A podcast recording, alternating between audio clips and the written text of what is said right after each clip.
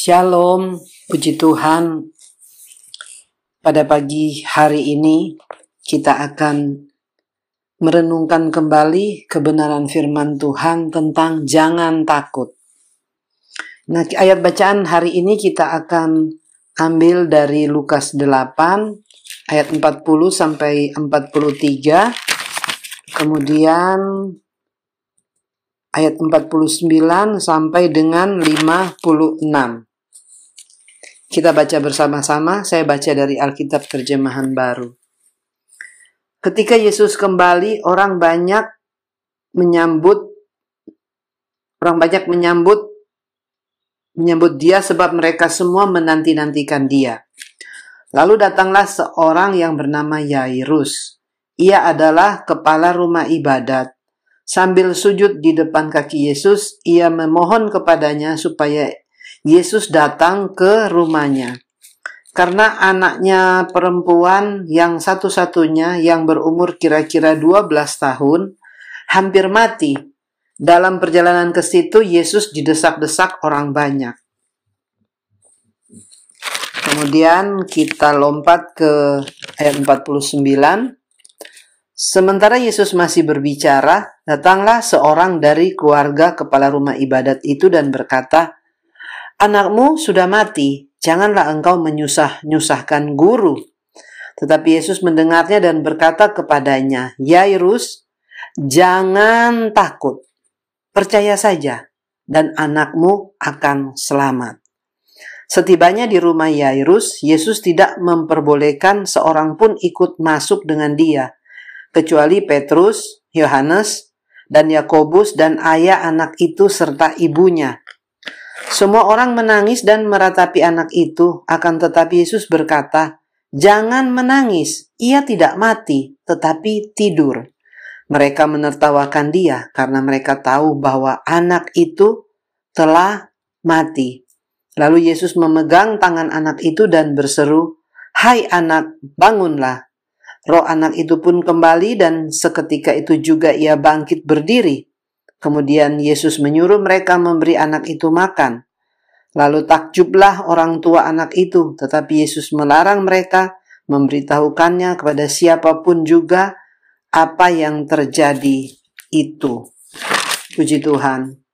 Nah, kalau kita baca Lukas 8 ini ya, kisah Yairus, seorang kepala rumah ibadat, di mana dia datang kepada Yesus karena anak perempuan satu-satunya yang berumur kurang lebih 12 tahun itu sedang kritis. Sudah mau mati ya. Dan kita lihat bagaimana uh, Yairus ini sekalipun dia kepala rumah ibadat dia tidak sungkan ya untuk datang kepada Yesus. Karena pada saat itu orang-orang Farisi, ahli Taurat itu menentang Tuhan Yesus luar biasa ya. Tapi Yairus tidak dia seorang kepala rumah ibadat, justru dia datang pada Yesus pada saat yang tepat. Pada saat dia butuh pertolongan daripada Tuhan Yesus. Sampai apa yang dia lakukan dikatakan di ayat 41, sambil sujud di depan kaki Yesus, ia memohon kepadanya supaya Yesus datang ke rumahnya. Berarti di sini Yairus mengambil sebuah tindakan iman apa pun yang terjadi, aku harus mengajak, mengundang Tuhan Yesus itu untuk datang ke rumah saya, untuk menyembuhkan anak saya. Tetapi kita lihat bagaimana uh, Tuhan Yesus itu saya sangat percaya dia bukan hanya datang uh, ke rumah Yairus menyembuhkan uh, anak Yairus, tetapi dia juga menyelamatkan satu keluarga Yairus ya. Nah, Kemudian uh, di tengah-tengah perjalanan Yesus menuju ke rumah Yairus itu ada sesuatu yang Tuhan Yesus uh, bukan Tuhan Yesus lakukan, ada sesuatu yang Tuhan Yesus alami di mana ada perempuan yang sudah 12 tahun mengalami pendarahan tapi saya tidak perlu membahas itu. Saya loncat di ayat 49. Dikatakan sementara Yesus masih berbicara, datanglah seorang dari keluarga kepala rumah ibadat itu dan berkata, "Anakmu sudah mati. Jangan lagi engkau menyusah-nyusahkan guru." Nah, waktu di tengah perjalanan mereka sedang menuju ke rumah Yairus itu tiba-tiba ada pegawai dari pada Yairus itu datang untuk memberitahukan bahwa kamu percuma ajak guru atau ajak Tuhan Yesus untuk datang ke rumahmu. Karena anakmu itu sudah mati, percuma sia-sia. Tetapi apa yang Yesus katakan kepada Yairus? Dia bilang ketika Yesus mendengarnya, apa yang dia katakan kepada Yairus dia bilang, jangan takut. Nah ini, dia ngomong kepada saudara dan saya, jangan takut, percaya saja dan anakmu akan selamat. Di sini Tuhan Yesus sedang meneguhkan iman daripada Yairus. Ya, karena secara logika tidak mungkin uh, anaknya ini tuh bisa bangkit dari kematian.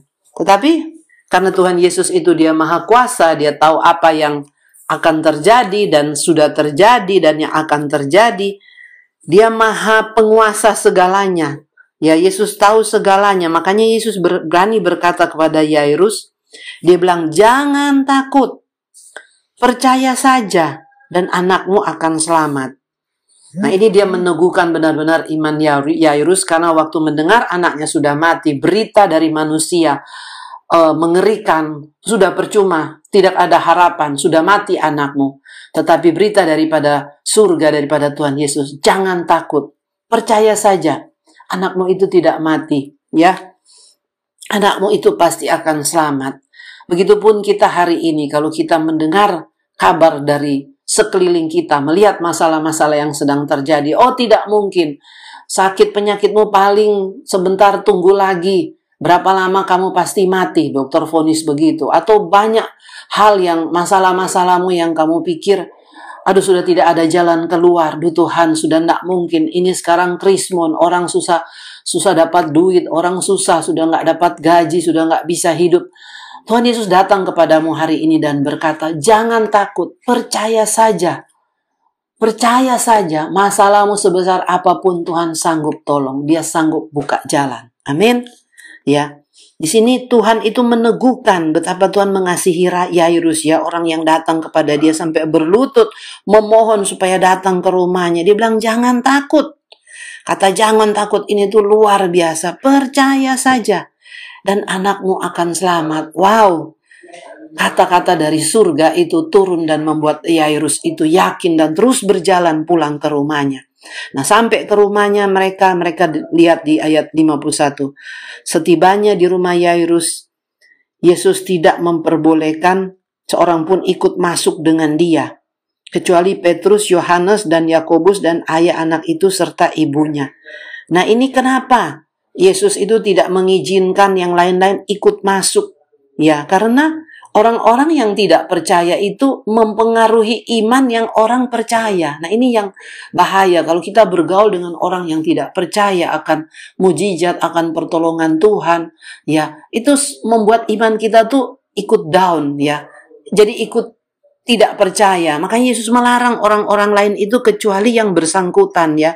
Yairus, Yairus istrinya Yohanes Yakobus ya dan hanya murid-murid Yesus aja. Nah, semua orang menangis dan meratapi anak itu. Akan tetapi Yesus berkata, jangan menangis. Jadi waktu dia lihat di rumah, dia lihat, waduh, orang semua pada nangis. Dan Yesus bilang, jangan menangis. Ia tidak mati, tetapi tidur. Waduh, mereka menertawakan dia karena mereka tahu bahwa anak itu telah mati.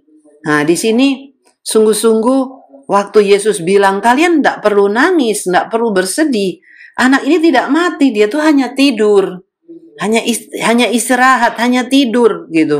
Eh malahan Yesus diketawain sama mereka. Luar biasa ya kalau orang-orang tidak percaya ya itu.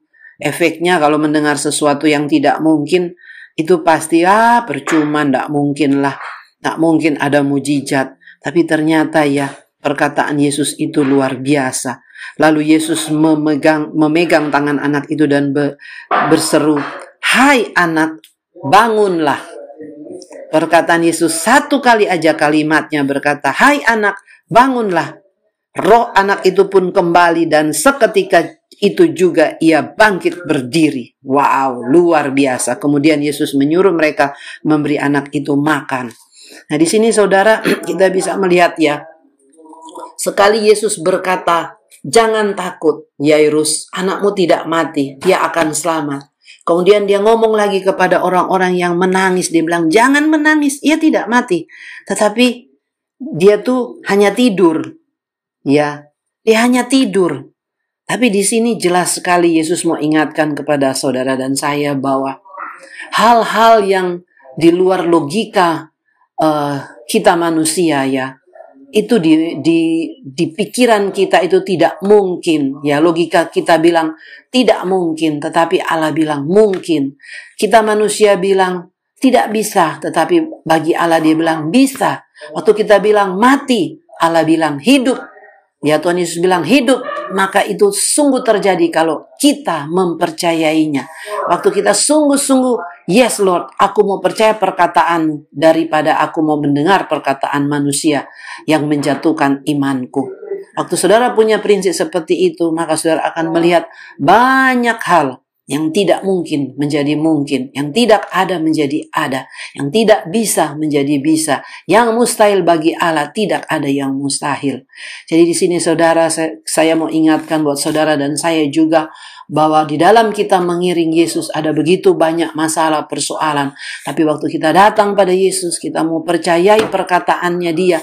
Kita tidak mendengar apa kata orang, tetapi kita hidup karena kita mendengar apa yang Yesus katakan, yaitu firmannya.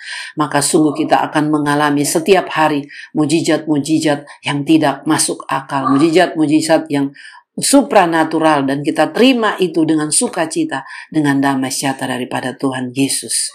Hari ini dia mau berkata, jangan takut. Dia sungguh mengasihi saudara dan saya. Mari kita berdoa. Oh Bapak terima kasih buat renungan firman yang begitu singkat ini. Kau kembali mengingatkan kami, membangkitkan iman kembali dan engkau mau berkata kepada kami, jangan takut untuk menghadapi apa pun di dalam kehidupan ini. Karena engkau hidup, engkau hadir. Waktu tanganmu yang berlubang paku itu menjamah setiap masalah persoalan sakit penyakit kami atau bahkan virus yang sedang merajalela ini. Maka sekejap semua itu hilang ya Tuhan. Dan sudah ada jalan keluar yang terbaik. Oh Bapak engkau terus kuatkan iman kami. Ajari kami untuk terus bersyukur. Sukacita di dalam engkau karena sesungguhnya kekuatan yang baru damai damai sejahtera yang baru itu terus memenuhi hati dan pikiran kami karena hanya Engkau yang satu-satunya menjadi tujuan hidup kami. Bapak terima kasih ampuni semua dosa, kesalahan, pelanggaran kami, ampuni keraguan-keraguan kami, ampuni ketidakpercayaan kami dan mari Engkau terus jama kami dan jama kami dan jama kami supaya kami terus berubah apa yang mulia, apa yang indah, yang yang manis didengar, semua yang baik, pikirkan semua itu dan biarlah kami semua memikir pikirkan itu ya Tuhan. Terima kasih Bapak buat hari yang indah ini. Kami akan lalui dengan sukacita, dengan damai sejahtera yang berasal daripada surga. Hanya dalam nama Yesus. Mari semua yang percaya katakan. Amin. Tuhan memberkati saudara dan saya. Haleluya.